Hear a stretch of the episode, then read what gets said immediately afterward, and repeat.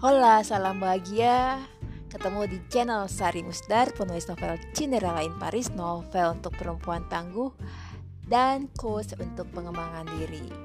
Kali ini saya mau bahas tentang cerita traveling, tapi bukan tentang senang-senangnya, tentang uh, penipuan yang terjadi saat traveling. Karena ada beberapa orang yang kebetulan mengalami penipuan atau scam. Saya ingat uh, salah satu teman saya, uh, dia adalah waktu itu menjadi mahasiswa S3 di salah satu universitas di Perancis. Uh, waktu itu dia akan meeting di Paris.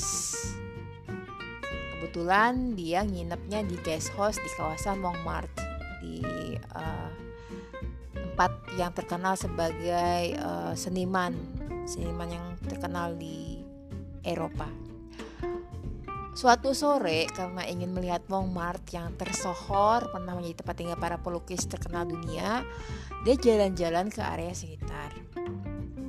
Nah, nah kalau di Paris musim semi atau musim panas tuh ramai banget kayak banyak ada apa pertunjukan seni kayak gitu. Di suatu tempat ada kerumunan turis Asia yang berdiri menonton kabaret. Jadi kabaret ini kalau di kabaret atau kabaret kalau di Montmartre emang banyak ya. Nah, dia juga ikutan karena banyak orang ngumpul, turis-turis Asia juga, dia ikut dong eh, berdiri di situ nonton. Dia pikir kan gratis ya. Uh, terus entah bagaimana itu mereka dia dan turis-turis Asia itu digiring untuk masuk ke dalam kafe untuk menonton kelanjutan kabaret. Jadi uh, ada kabaret di luar, saya bilang kalau mau nonton selanjutnya silakan masuk ke kafe kami kayak gitu.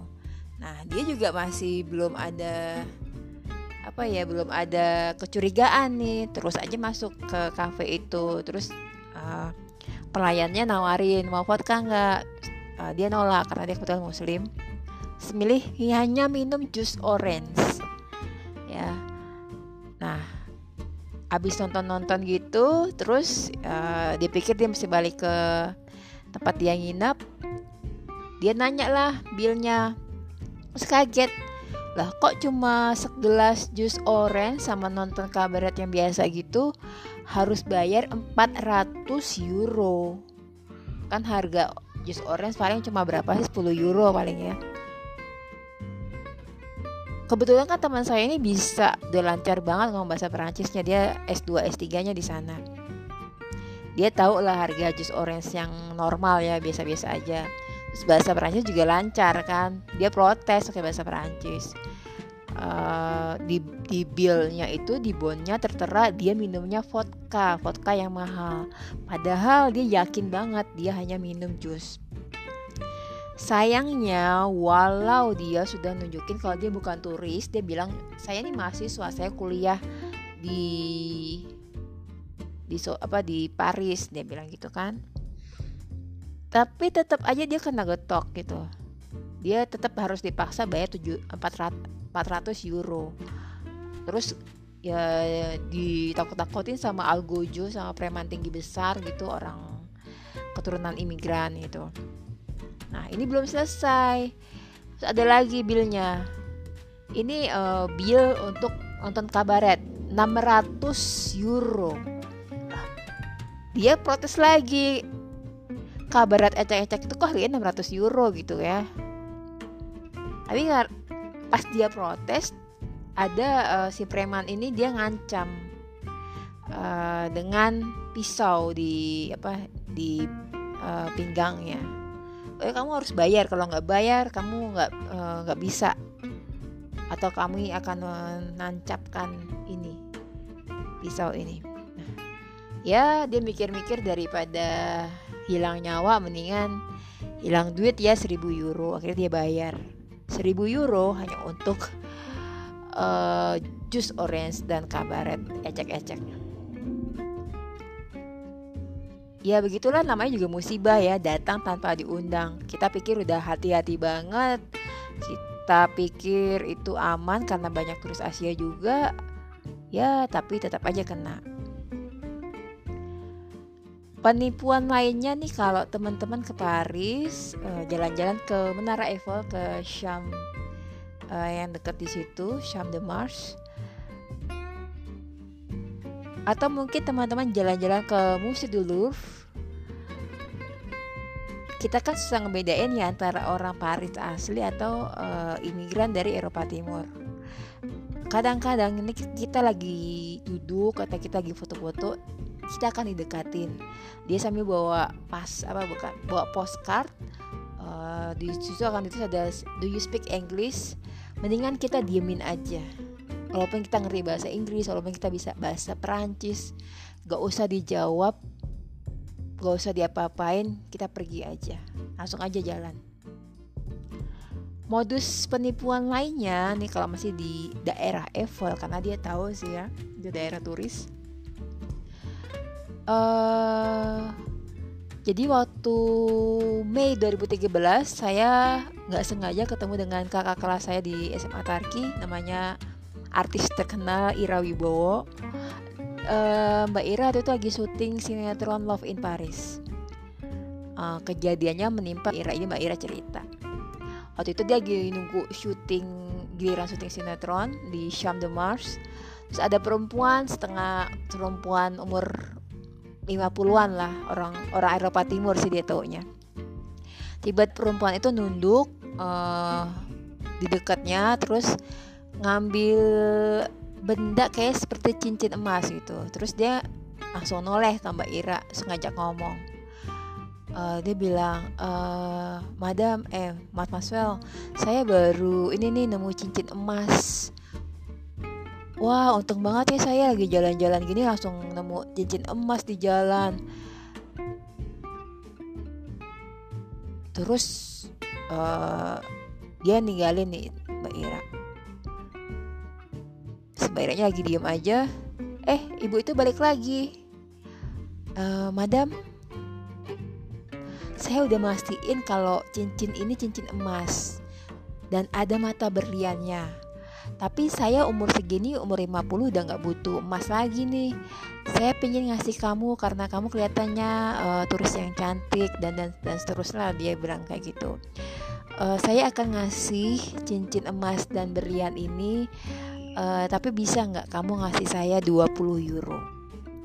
Terus Mbak Ira ngapain gitu ya uh, dia nggak butuh cincin apalagi juga nggak tahu cincinnya emas beneran tahu nggak atau berliannya berlian i beneran tahu nggak bukan masalah 20 euronya ya terus si Mbak Ira bilang uh, tentu saja dalam bahasa Inggris, Bu lebih baik Ibu jual aja cincin emas itu karena jumlah uangnya pasti lebih dari 20 euro. Ngapain Ibu ngasih ke saya?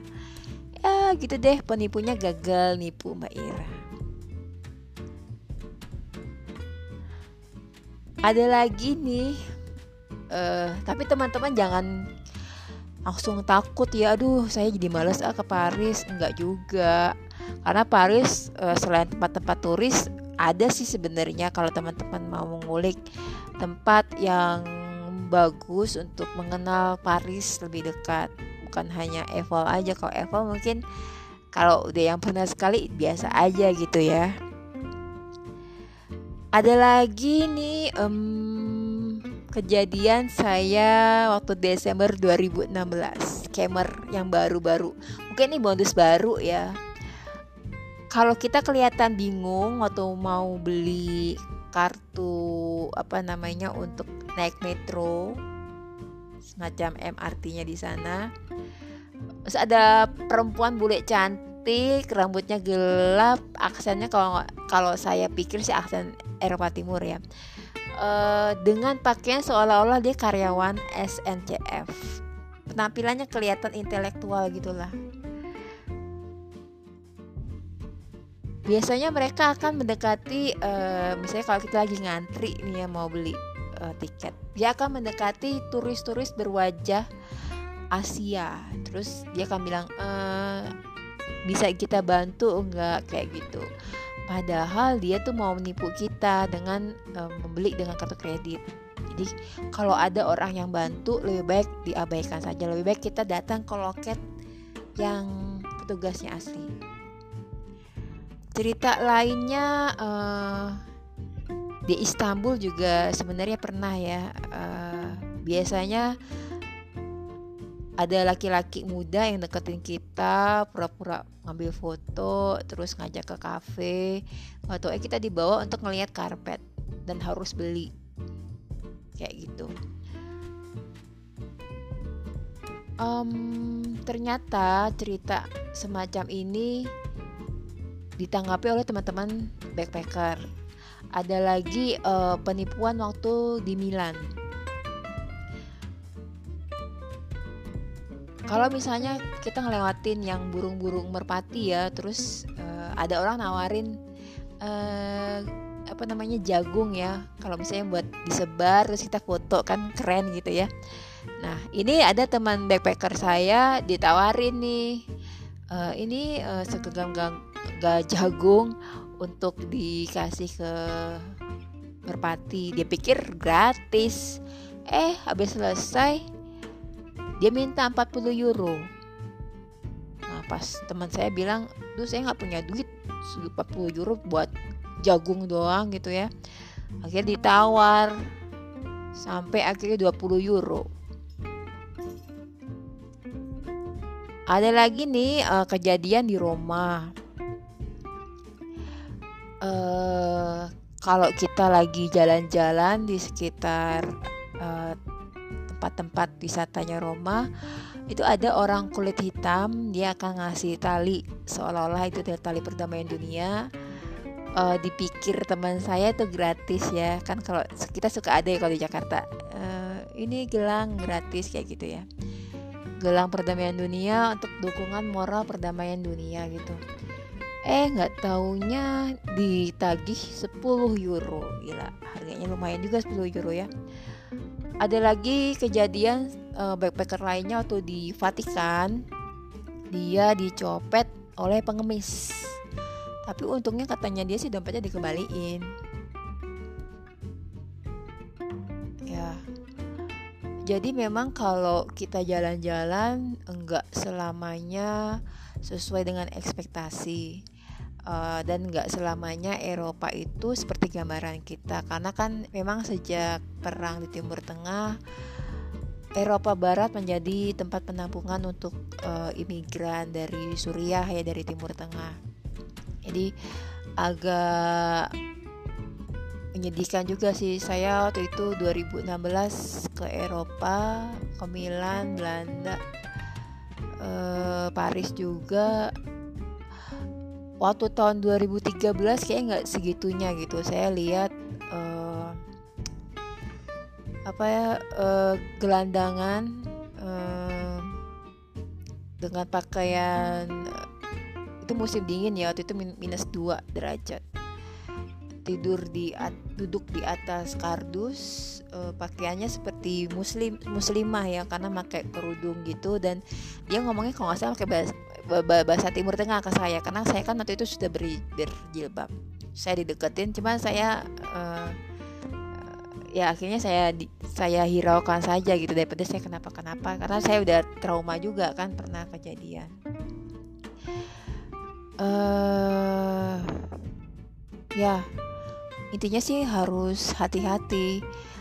Kalau bisa um, kita gunakan insting kita terutama kalau turis perempuan kalau kita travel perempuan uh, jangan pergi ke tempat yang sepi. Kita harus apalagi kalau kita perginya sendiri harus uh, pergi ke tempat-tempat yang ramai.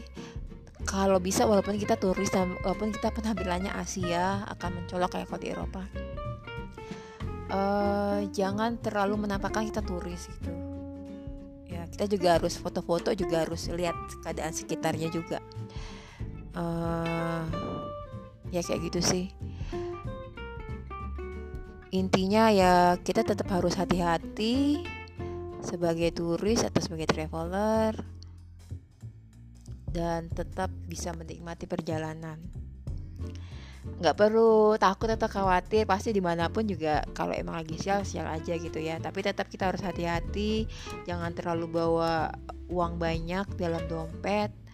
Uh, kalau bisa pakai apa namanya itu uh, dompet yang di dalam pakaian ya money belt.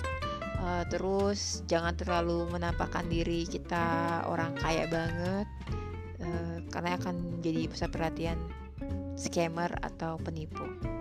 Sekian dari saya, Sari Misdar. Jika bermanfaat, like podcast ini atau bisa dibagikan uh, di med media sosial teman-teman supaya bisa didengarkan oleh yang lain.